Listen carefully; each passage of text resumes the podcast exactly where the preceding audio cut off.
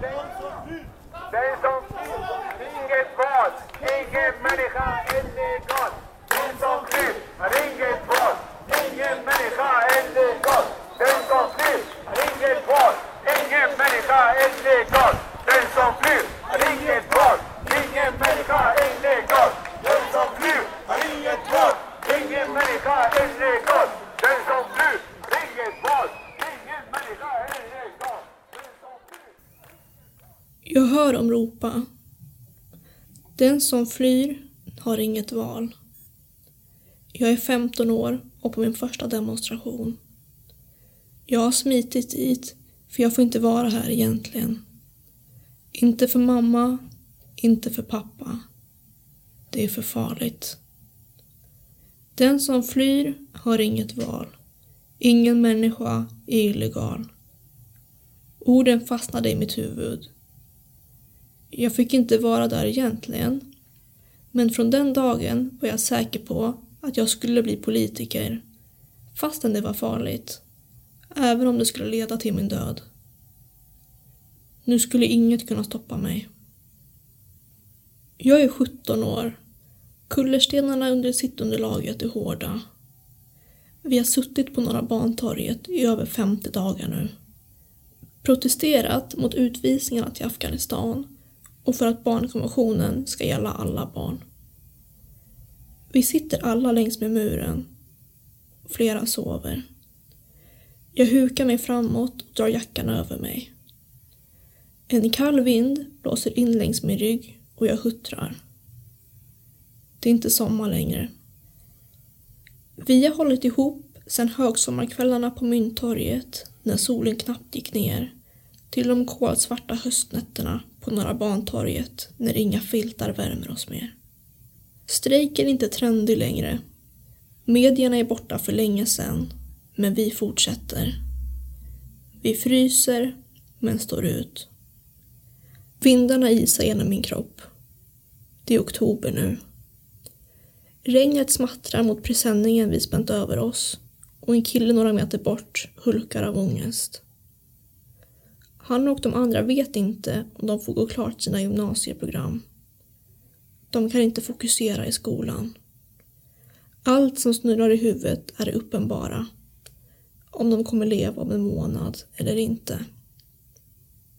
Afghanistan är ett av världens farligaste länder. Ändå utvisar vi barn dit som gått i skolan här eller levt hela sina liv här. Att IS och talibanerna utför terrordåd är vardag. Ingen kan gå trygg och på nätterna vaknar barnen av skottlossningar och bombdåd. Alla förutom barnen som sprängs. De vaknar inte. Älskade vän, jag ser hur glöden försvinner ur dina ögon. Jag ser hur lagen som riksdagen klubbade igenom långsamt kväver er alla. Förlåt. Förlåt för att vi gör så här mot er. Ni förtjänar så mycket mer. Jag hör era tårar på nätterna och ser på när ni somnar i min famn under strålkastarljuset på Medborgarplatsen. Jag ser hopplösheten, jag ser ärren och jag ser kriget. Förlåt för att vi inte säger välkomna. Förlåt för att vi inte låter er vila och förlåt för att vi behandlar er så här. När tre killar som jag lärt känna på sittstrejken frågade vad jag jobbade med fick jag mig en tankeställare. Jag svarade att jag var politiker och de skrattade. De frågade mig igen, bad mig vara ärlig och jag svarade politik. De kollade mig i ögonen. Nora, sluta skämta. Vad jobbar du med? Politik, svarade jag. Och killens blick förvandlades från glad till becksvart. Du kommer hit varje dag, pratar med oss, sover med oss, hjälper oss och äter med oss. Och du vill inte ha någonting tillbaka. Så är inte en politiker. Sluta. Och jag förstod vad han menade. För i takt med att filmkamerorna försvunnit från strejken syntes politikerna inte till. De kom, tog selfies och försvann sen lika fort. Men jag sa aldrig emot honom, för han hade rätt. så är inte en politiker.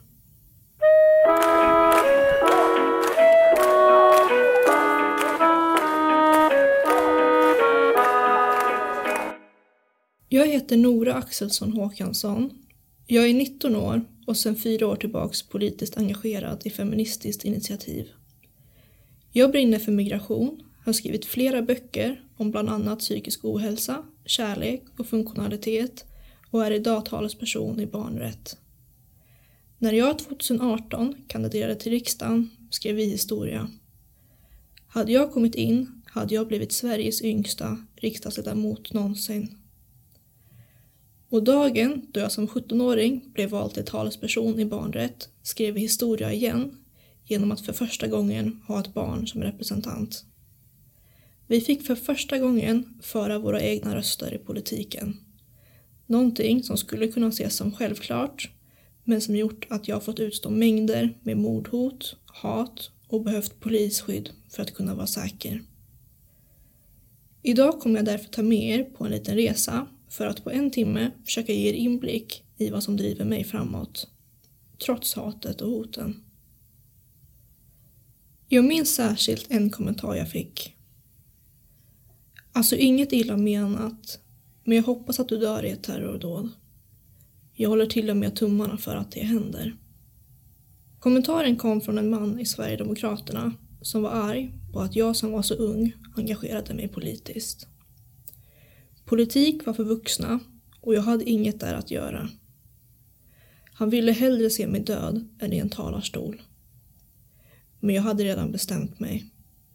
Jag skulle kämpa för resten av mitt liv för det jag tror på, även om det innebär min död. Jag får ofta frågan varför jag engagerar mig politiskt. Inte bara på grund av min ålder.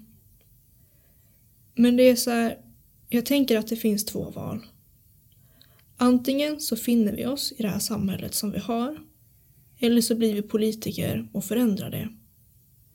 Och jag står inte ut med att vi har ett samhälle där vissa människor inte ses som tillräckligt mycket värda för att förtjäna mänskliga rättigheter. Det är min plikt och min drivkraft i livet att försöka förändra det så gott jag kan. När Feministiskt initiativ åkte ur EU-parlamentet förra året var det många som frågade om jag inte skulle byta parti.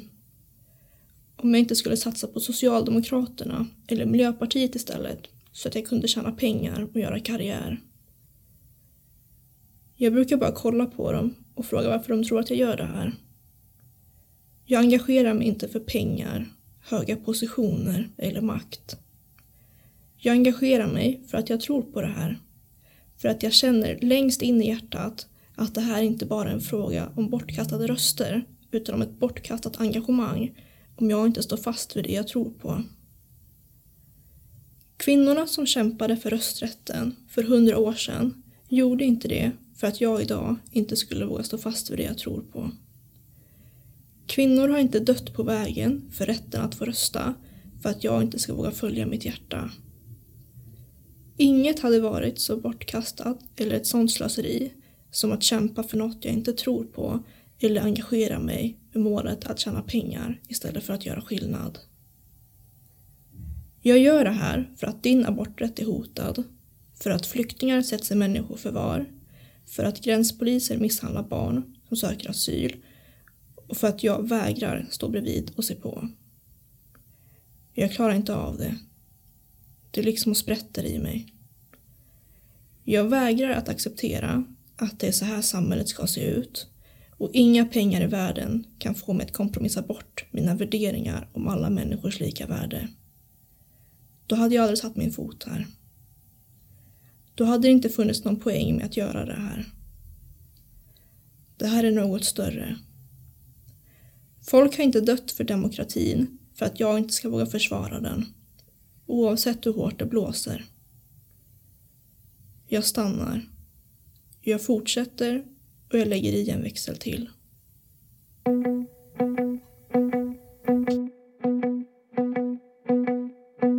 Din bruna skjorta har blivit blå men jag hör vad du säger ändå För även om kostymen som du köpte fin är du precis samma svin. Och jag hör dig snacka om ansvar Hur det är upp till alla och en var.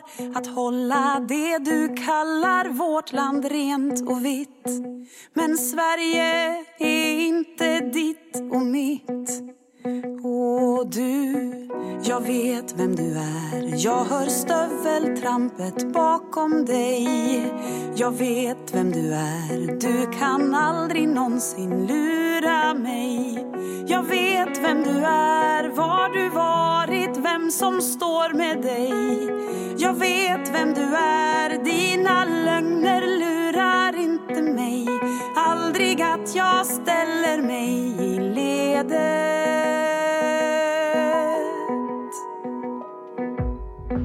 Jag vill kunna säga till mina barn när vi en gång pratar om hur det var att jag var en av dem som kunde stå emot den här tidens verkligt stora hot.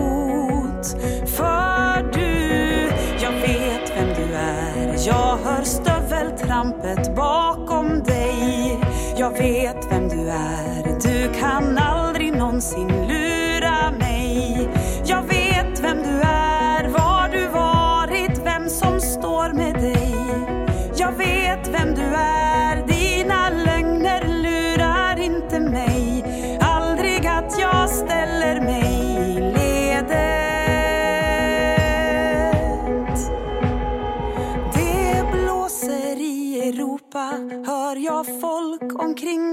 ropa. Men rösterna når aldrig fram till dig.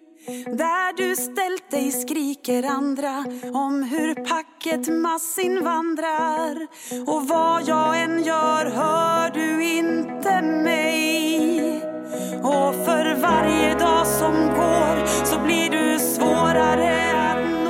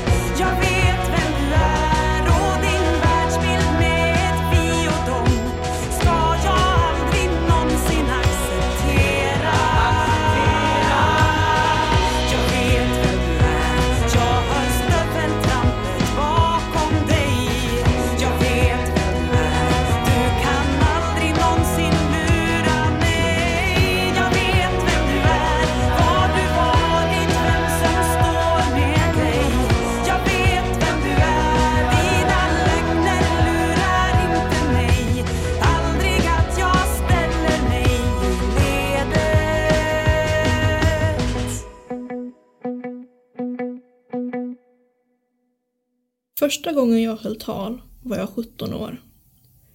Jag hade demonstrerat hela sommaren mot utvisningarna till Afghanistan och klev nervöst upp på scen. Jag hade aldrig gjort något liknande förut. Men så här lät det. Jag sitter med killar som är i min ålder och som inte vet vart sina föräldrar är. De vet inte om mammas telefon är avstängd eller om hon är i delar efter ett terrordåd. Jag sitter med killar som ser mig och börjar gråta för att jag har lärt mig några fraser på persiska och dari och därför påminner om deras systrar. Jag är 17 år, men när jag står här på Odenplan så vet jag att min lillebror där hemma spelar Pokémon Go och bråkar om hur mycket han ska få sitta med sin telefon.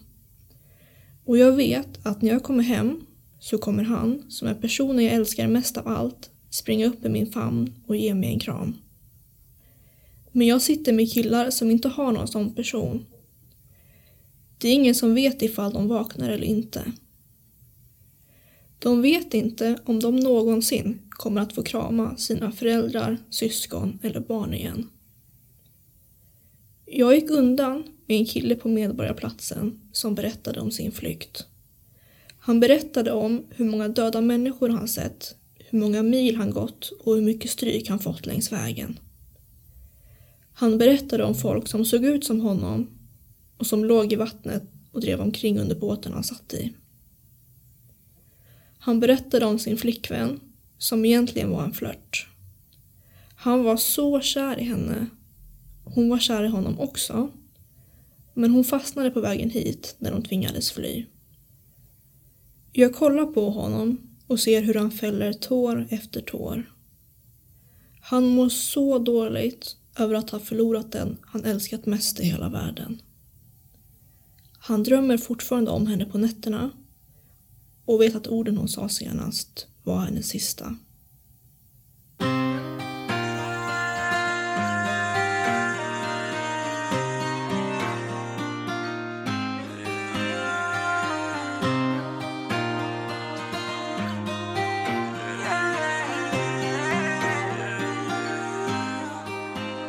Den hon är diva mamma. Hon är alltid vid min sida mamma. Och för hon jag kommer kriga mamma. För var ärlig ni är lika mamma. Hon har blivit en av mina mamma. Skit i bara vi är rika mamma. Jag vill inte överdriva mamma. Den här gussen är min vida mamma. Eh. Dyker upp på min obsblock Många nära som har gått bort. Hela ligan får dig lida. Jag är gamet och vi går jag älskar dubbla magasin Jag blandar tankarna med lin Baby jag kan ta det lågt bort Vi har blivit som ett team Och vi båda baby kommer från misären Och vi båda kommer köra hela vägen Och jag lovar vi ska resa hela världen Och jag lovar den här skiten är för cashen Baby jag kan aldrig sälja själen Vi tar bilen, skicka aina, jag är räven Jag har nog magasin i Louis-bagen Och för dig jag lovar bo jag tar mig vägen Hon är diva mamma Hon är alltid vid min sida mamma. Och för hon jag kommer kriga mamma. För var ärlig ni är lika mamma. Hon har blivit en av mina mamma. Skit i bara vi är rika mamma. Jag vill inte överdriva mamma. Den här guzzen är min vida mamma eh. Jag dricker lean, röker lite Mali Jag tar i my jeans, svårt att leva lagligt Och hon faller bara för G's, hon vill leva farligt Och på gatan det är bara krig och leka en stadig Baby hela vägen hit, jag har gått på Ali Så min broder sitter tid, det har blivit vanligt För min broder han är G, han har alltid varit Men han ville bli polis när han gick i dagis yeah. Hon är med mig alla väder Jag får hon drip utan kläder Mitt i natten hon så tjo Hon kom till mig, jag skickar cabben Tills världen ger oss någon som du baby För dig jag kommer fuck it ta mig ut baby Och för dig jag kommer alltid tacka Gud baby Och vi båda baby kommer från misären Och vi båda kommer köra hela vägen Och jag lovar vi ska resa hela världen Och jag lovar den här skiten är för cashen Baby jag kan aldrig sälja själen Vi tar bilen, skicka aina, jag är räven Jag har nog magasin i Louis-bagen Och för dig jag alltid vid min sida mamma. Och för hon jag kommer kriga mamma. För vad ärlig ni är lika mamma. Hon har blivit en av mina mamma. Skit i bara vi är rika mamma. Jag vill inte överdriva mamma. Den här är min vida mamma. Den hon är diva mamma. Hon är alltid vid min sida mamma. Och för hon jag kommer kriga mamma. För vad ärlig ni är lika mamma. Hon har blivit en av mina mamma. Skit i bara vi är rika mamma inte överdriva mamma Den här guzzen är min vida mamma eh.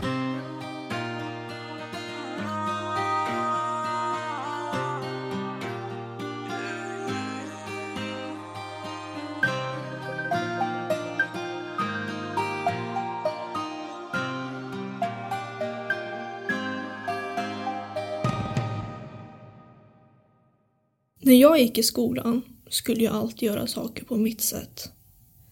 När förskolan skulle ha ett Lucia-tåg och alla tjejer skulle vara Lucia eller Tärna skulle jag lik förbannat vara pepparkaksgubbe. Och när vi i förskoleklass skulle ha med oss badmössor till gympan så skulle jag bestämt göra en egen. En egen badmössa gjord av en fryspåse, glitter, tejp och paljetter. Och folk trodde alltid att jag skulle ångra mig. Men jag stod där varje gång och log så stolt att jag höll på att explodera. Jag var ett väldigt busigt barn. Svårt för att rätta mig i ledet, men alltid ståendes där med glimten i ögat.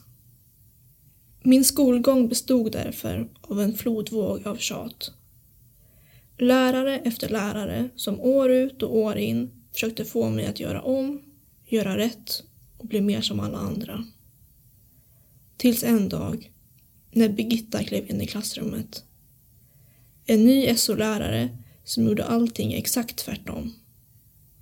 Jag var van vid att behöva göra om mina uppgifter tills de passade in i normen, men med henne var det motsatsen.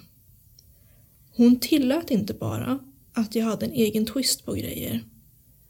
Hon hejade på, utmanade mig, skrattade åt dåliga idéer jag hade och gjorde så att jag utvecklades. Istället för att tysta ner lät hon mig blomstra. Hon hade ett väldigt kärleksfullt, öppet, accepterande, tolerant och förstående sätt att vara. Det smittade av sig och gjorde mig trygg i att bygga den personen jag vill vara. Hon var bollplanket som formade mina värderingar och gav mig en kompass jag kunde lita på. Hon gav mig kunskaperna som inte går att googla sig till. Hon lärde mig hur man resonerar, granskar, förstår och bemöter andra människor. Och hon gav mig verktyget för att kunna analysera omvärlden, våga bry sig om andra och försöka förstå andra människor. Jag ställde en miljard frågor och hon gav mig alltid svar. För det mesta visste jag att hon inte hade någon aning utan bara hittade på. Men det lugnade mig ändå. Och det var kanske inte hennes svar om vaniljbullar eller bästa bilvägen till Skövde som förändrade mig så djupt utan det faktum att hon orkade se mig. Och orkade ge mig den där blicken som sa att hon nog tycker ganska mycket om mig även om jag kunde gå henne på nerverna. Så Birgitta, om du hör det här. Tack för att du alltid kom och satte dig bredvid mig på lektionerna när jag inte kunde jobba. Tack för att du har berättat om dina barns försäkringar, dina resor, drömmar och din syn på livet. Det la grunden för en människa. En människa som skulle komma att stå på egna ben och behöva orientera sig i samhället.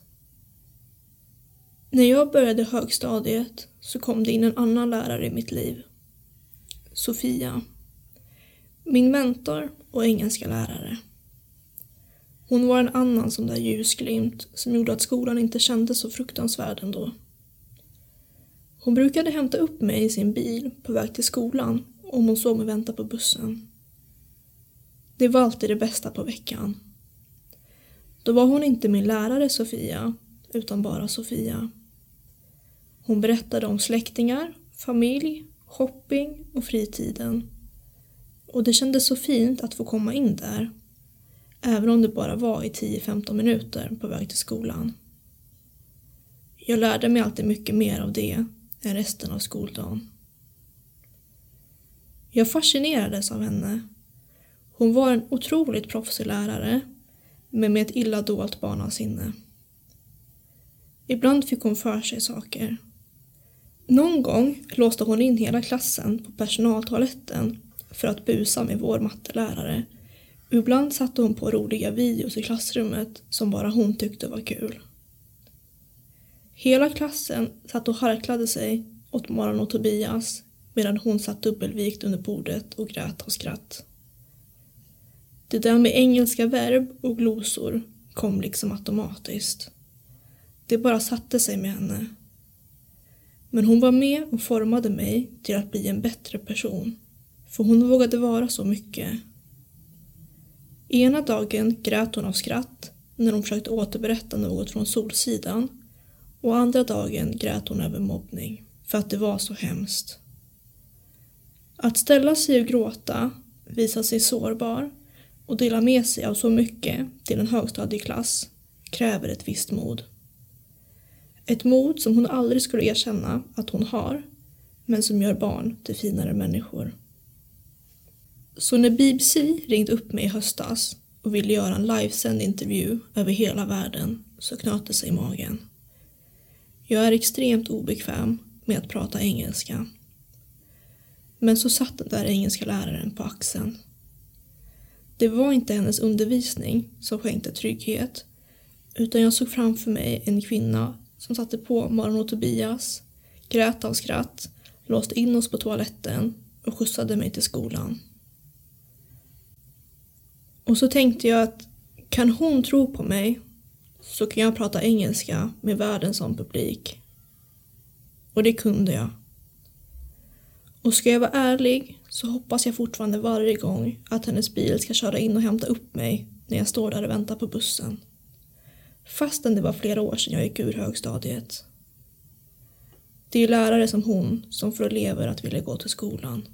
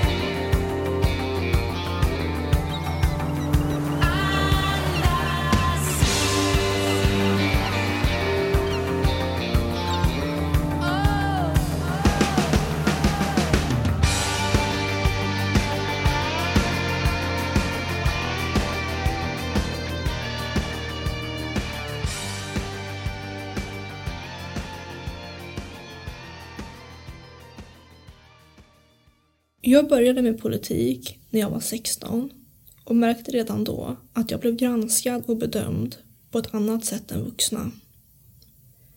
Jag blev överkörd, förlöjligad och folk förutsatte att jag inte kunde någonting. När jag hade möte med allianspartierna i kommunen så började de berätta för mig vilka partier som finns och vem som är statsminister. Trots att de visste att jag var styrelseledamot i Fi. För att få någon slags respekt så behövde jag hela tiden hävda mig, ha på mig kavaj och aktivt motbevisa dem. När jag var hos Moderaterna och hälsade på så möttes jag av gapskratt när jag som 17-åring berättade att jag hade tänkt rösta på mig själv i valet.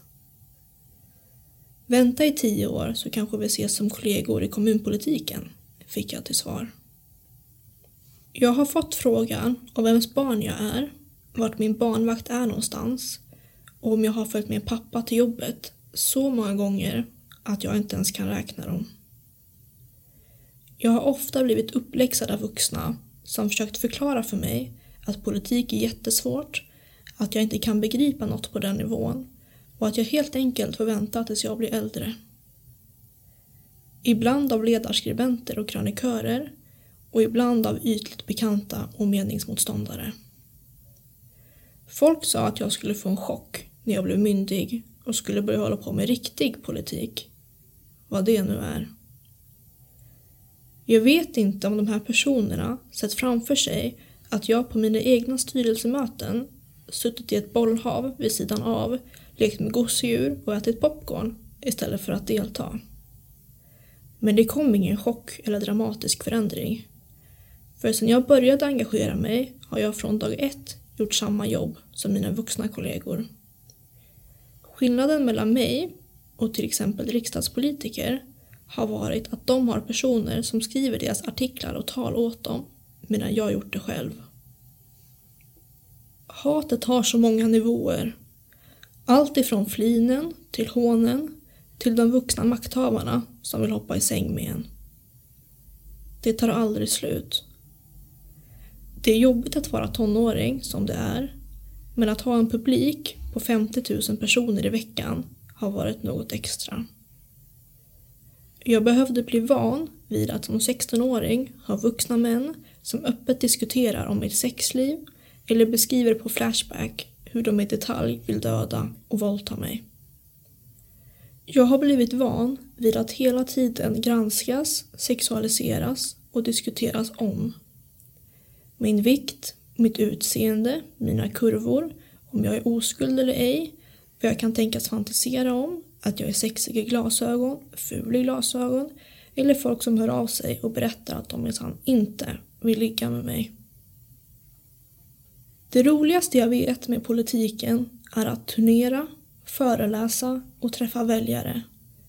Det ger mig en sån glädje och en sån kick att få krama om folk, tacka och ta emot input.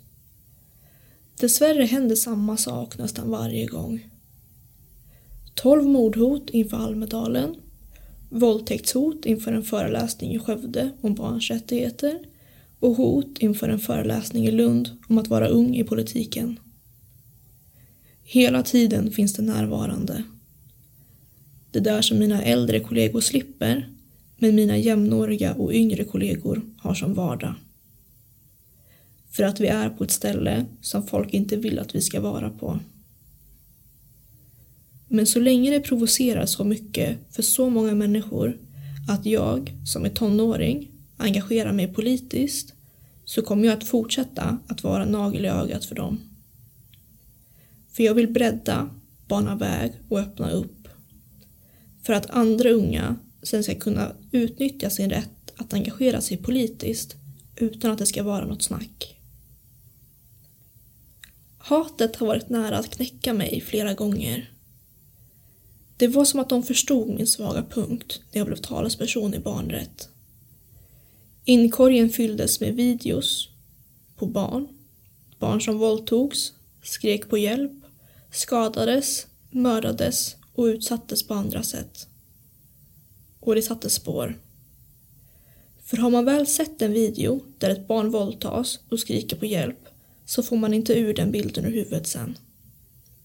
Det gör så mycket ondare och skadar en så mycket djupare än dickpics eller hot som bara drabbar mig. Och jag vet inte hur jag ska kunna förlåta eller förhålla mig till de som gör så här. Det går bara inte. När jag blir intervjuad av journalister är fortfarande de vanligaste frågorna vad jag har för favoritämnen i skolan, vad mina föräldrar tycker om olika saker och hur det känns att vara så ung. När jag och mina partikollegor jobbar fram budgetar och satsningar så möter jag journalister som frågar mig om jag blir nervös av Gudrun, om hon är snäll egentligen och vad jag har för favoritfärg. Och när jag ansökte om att gå med i ett utskott så frågade jag samordnaren vilka frågor de arbetar med. Tänk dig Bamse och så tänker du dig Lille Skutt. Tänk att Lille Skutt och Skalman är i ett peppigt gäng och jobbar med en fråga jättemycket. Och det är då ett utskott. Och jag är osäker på om alla riksdagskandidater behöver få saker förklarat för sig i Bamse-referenser. Men i så fall har vi ett problem. Att hela tiden vara ung, jag är fortfarande tonåring, och aktiv i en värld och en politik som domineras av vuxna, prestige, makt och heder gör oss extra sårbara. Vi utsätts i högre utsträckning för näthat, trakasserier, kränkningar, härskartekniker, förminskande, exkluderande och sexuella övergrepp. Blir vi för duktiga så vittnar många om hur vuxna med mer makt i partierna tar sig rätten att tafsa, våldta, utnyttja och försöka krypa till sängs med oss. För vi vågar inte säga ifrån. Inte nog med att vi är 20, 30, 40 år yngre. Vi vet redan från början hur partierna skulle reagera och till vilket pris de skyddar partitoppar. I alla partier, överallt, i alla tider. Och jag är inget undantag.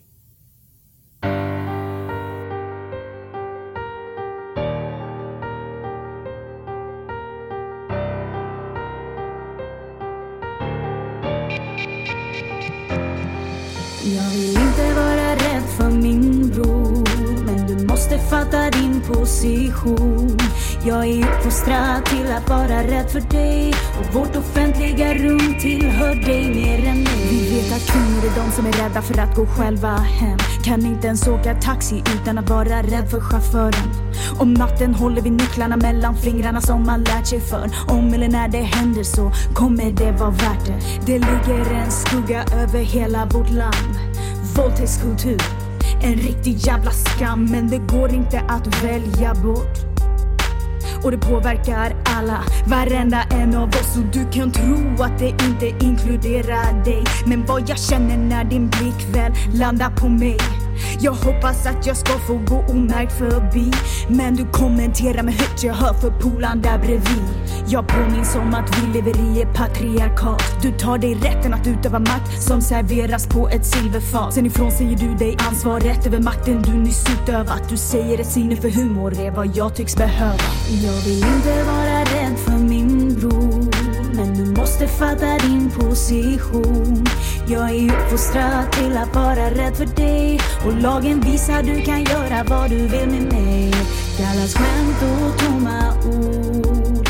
Men det tas emot som ett hot. Jag har uppfostrats till att vara rädd för dig. Och vårt offentliga rum tillhör dig mer än mig. Du kallar din makt över mig för ett roligt skämt jag borde fatta. Tänk efter och fatta din position, bara titta på fakta. 98% av allt sexuellt våld utövas av män. Så vad tror du går igenom mitt huvud när du tafsar på krogen? Ett skämt är bara kul första gången man hör det. Där det gått en hel livstid, tappade glöden.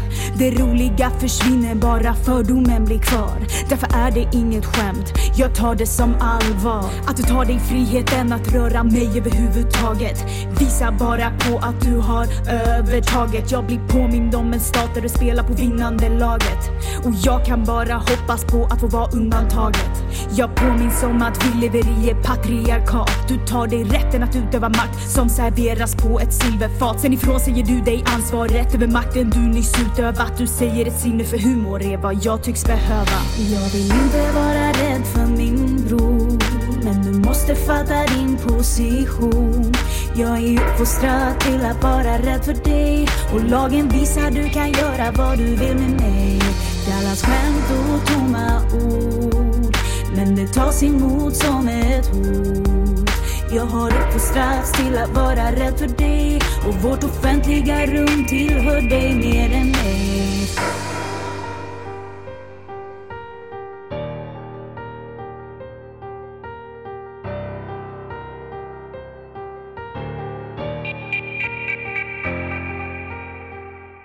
Jag kände under hela högstadietiden att jag ville göra skillnad. Att världen utanför skolan liksom pockade på uppmärksamhet och att det var där jag ville vara. Att det var där jag hörde hemma. När jag sen fick sommarlov och gick ur nian så tog det inte många dagar innan jag sökte mig till organisationer. Amnesty, Röda Korset, Rädda Barnen, Unga Feminister och Ungdom mot rasism. Jag hörde av mig och frågade vad jag kunde göra. När jag kom på mitt första möte med Unga Feminister var jag livrädd. Jag inledde starkt med att vänta utanför fel port och sen tappa ut en massa små blåa minipoljetter över mig och hela golvet. Jag var övertygad om att jag aldrig skulle få komma tillbaks.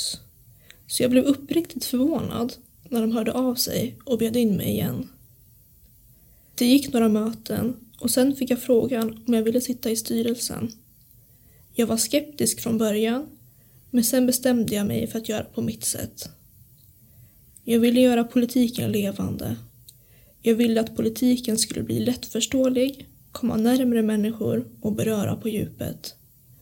Jag ville att alla de där siffrorna och uträkningarna skulle bli något som alla människor kan förstå, engagera sig i och ta del av. När jag sen började skriva debattartiklar var det tydligt att jag hade en bakgrund som författare.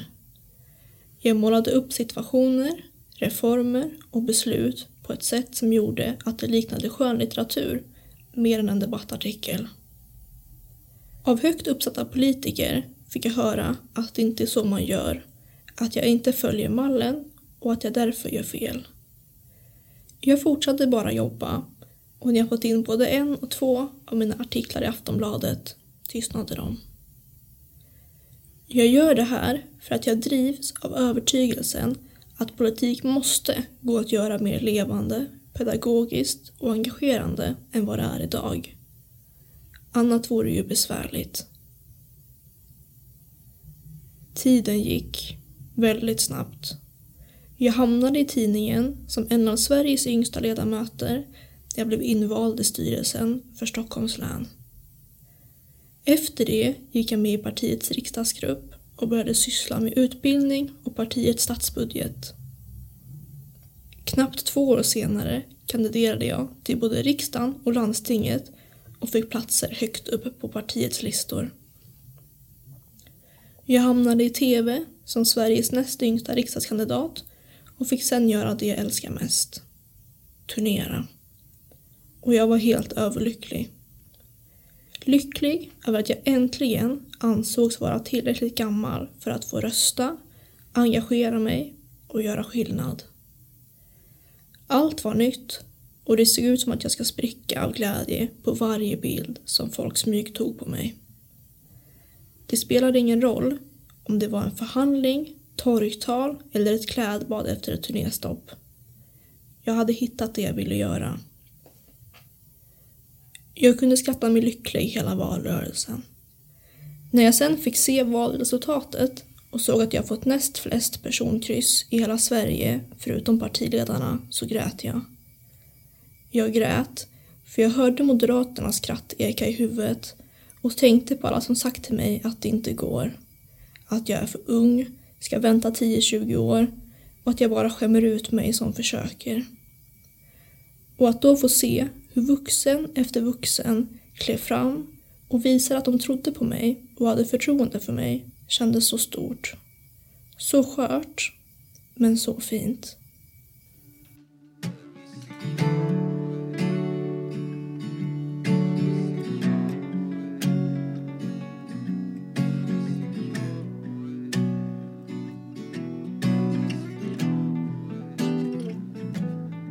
She say victim of the world? Evil substances and words mixed with late night insecure decisions. She cut herself this evening to flee from all the healing. She's not the one to say, I'm not feeling very good. And so I'll take these broken wings of mine, take my time and place it right in your arms. Yeah, I'm sure that you've heard those promises before from what you've been through.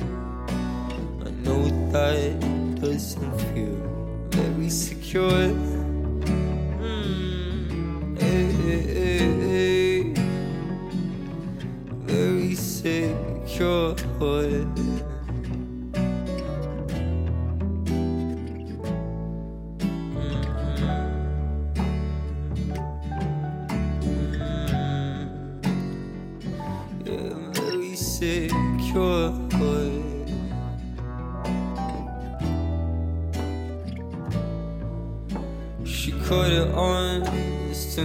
Herself a part of the big quiet world.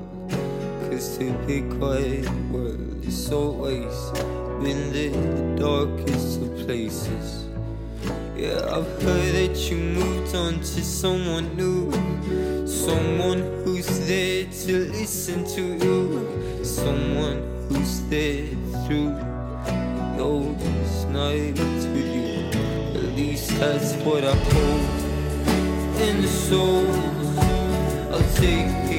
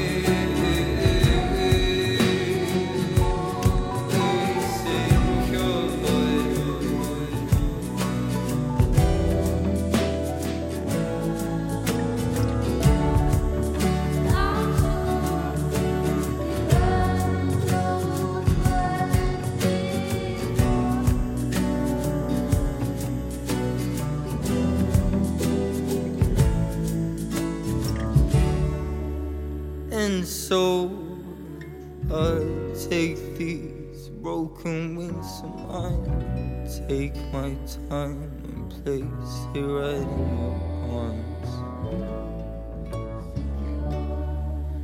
I'm sure that you've heard those promises before, from what you've been through, I know that it doesn't feel very secure.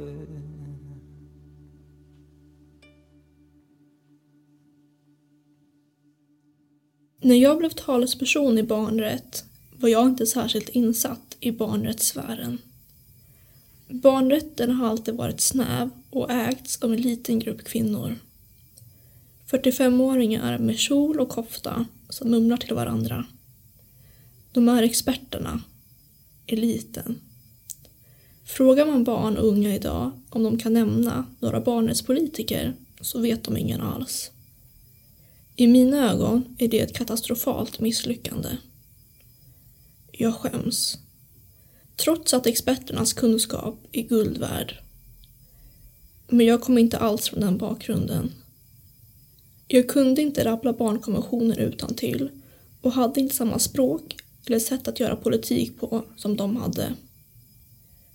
Men jag hade något annat. Jag var barn. Det första barnet någonsin som drev barnets politik som talesperson. Så fort jag la på samtalet från partiledaren var jag säker på en sak. Jag skulle göra det på mitt sätt. Jag skulle göra barnrätt i praktiken. Istället för att prata om barn skulle jag prata med barn. Jag engagerade barn, föreläste för dem, samarbetade med dem, åkte till deras skolor, skrev på deras språk och var på deras nivå. För vi var jämnåriga. Vi förstod varandra. Vi visste hur det kändes att inte bli sedd som en egen individ. Att främst vara en förälders egendom och sekundärt en egen människa. Jag brydde mig aldrig om det här med prestige, status och makt. Jag framstår hellre som oproffsig sittandes på marken med barn än att anses proffsig i en talarstol när jag rabblar rapporter. Det var inte för vuxna jag gjorde det här. Det var för barnen.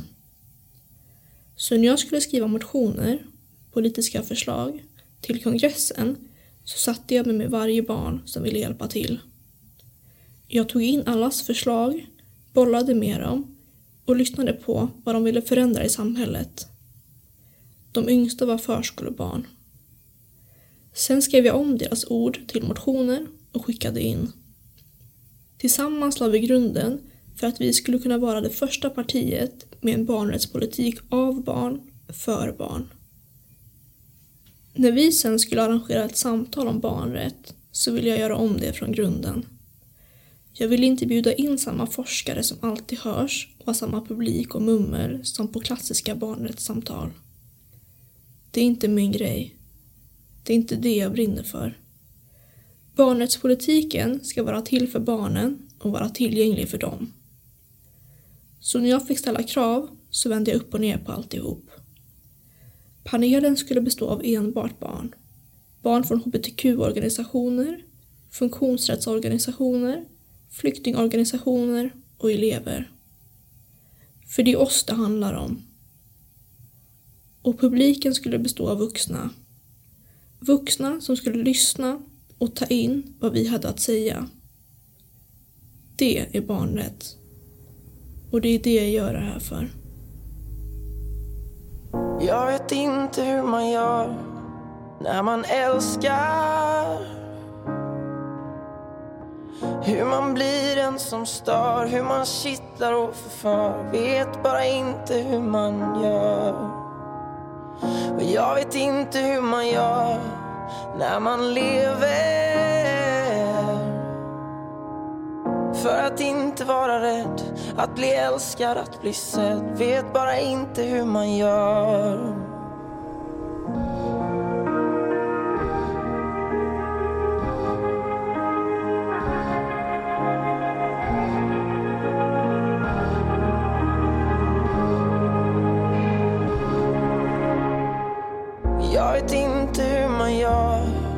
När man lämnar. Våga resa sig och gå, inte stå där och se på. Vet bara inte hur man gör. Och jag vet inte hur man gör när man andas. Andas in och andas ut. Våga tro på något till slut. Vet bara inte hur man gör.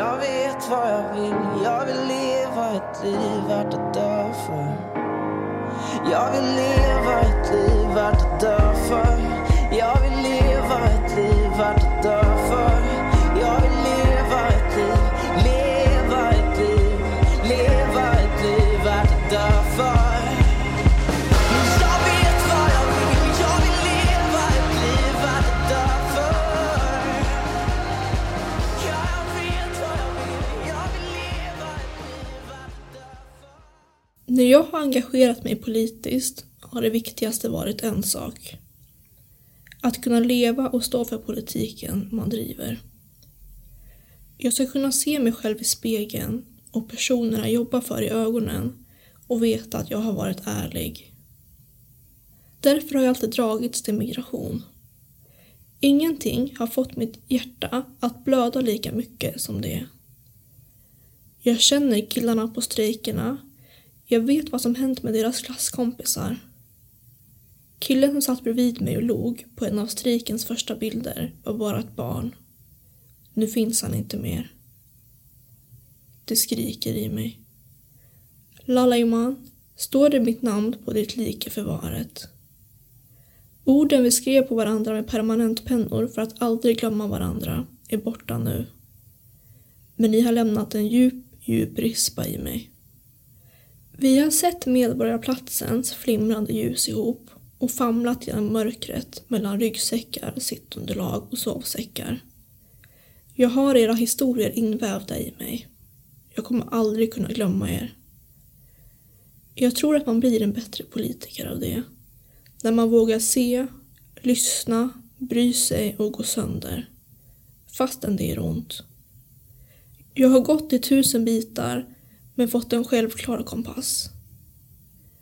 Den ger mig trygghet, lugn och en avgrundsdjup övertygelse om vad som är rätt. Jag grät varje dag i början av strejken. Över verkligheten, berättelserna och människorna jag mötte. Det gör så ont att behöva se barnen vars syskon dött på Medelhavet. Men jag tror att man blir en bättre politiker av det. Man måste kunna stå för politiken man driver. Det går inte att driva igenom en politik man inte vågar se genomföras. Och därför blir jag trygg i min kompass och vilken värld jag vill ha. Det är mycket lättare att stänga av, stänga ner och räkna siffror. Men när vi inte vågar känna efter längre, vad är vi då? Jag hör andetagen från ungdomarna som sover runt mig på Medborgarplatsen. Det är kolsvart på himlen, men strålkastarljuset bländar oss. Och det är då jag kommer på mig själv med att tänka att fan, det här är värt allting. Även om jag dör.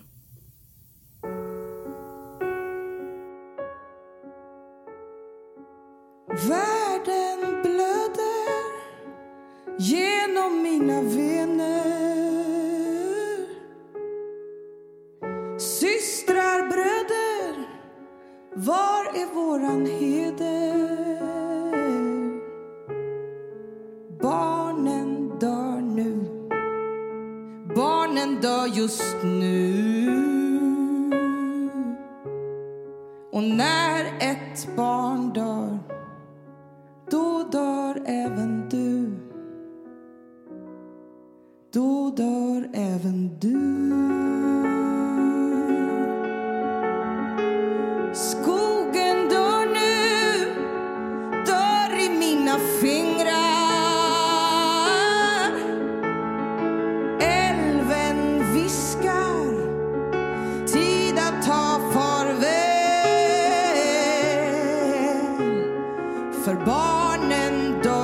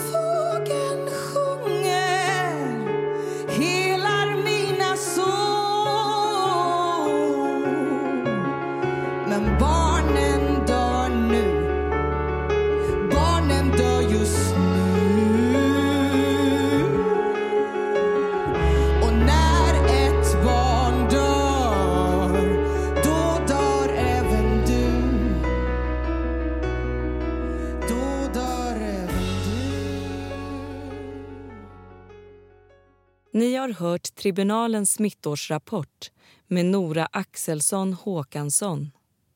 Musiken som spelades var Jag vet vem du är med Anja Erika.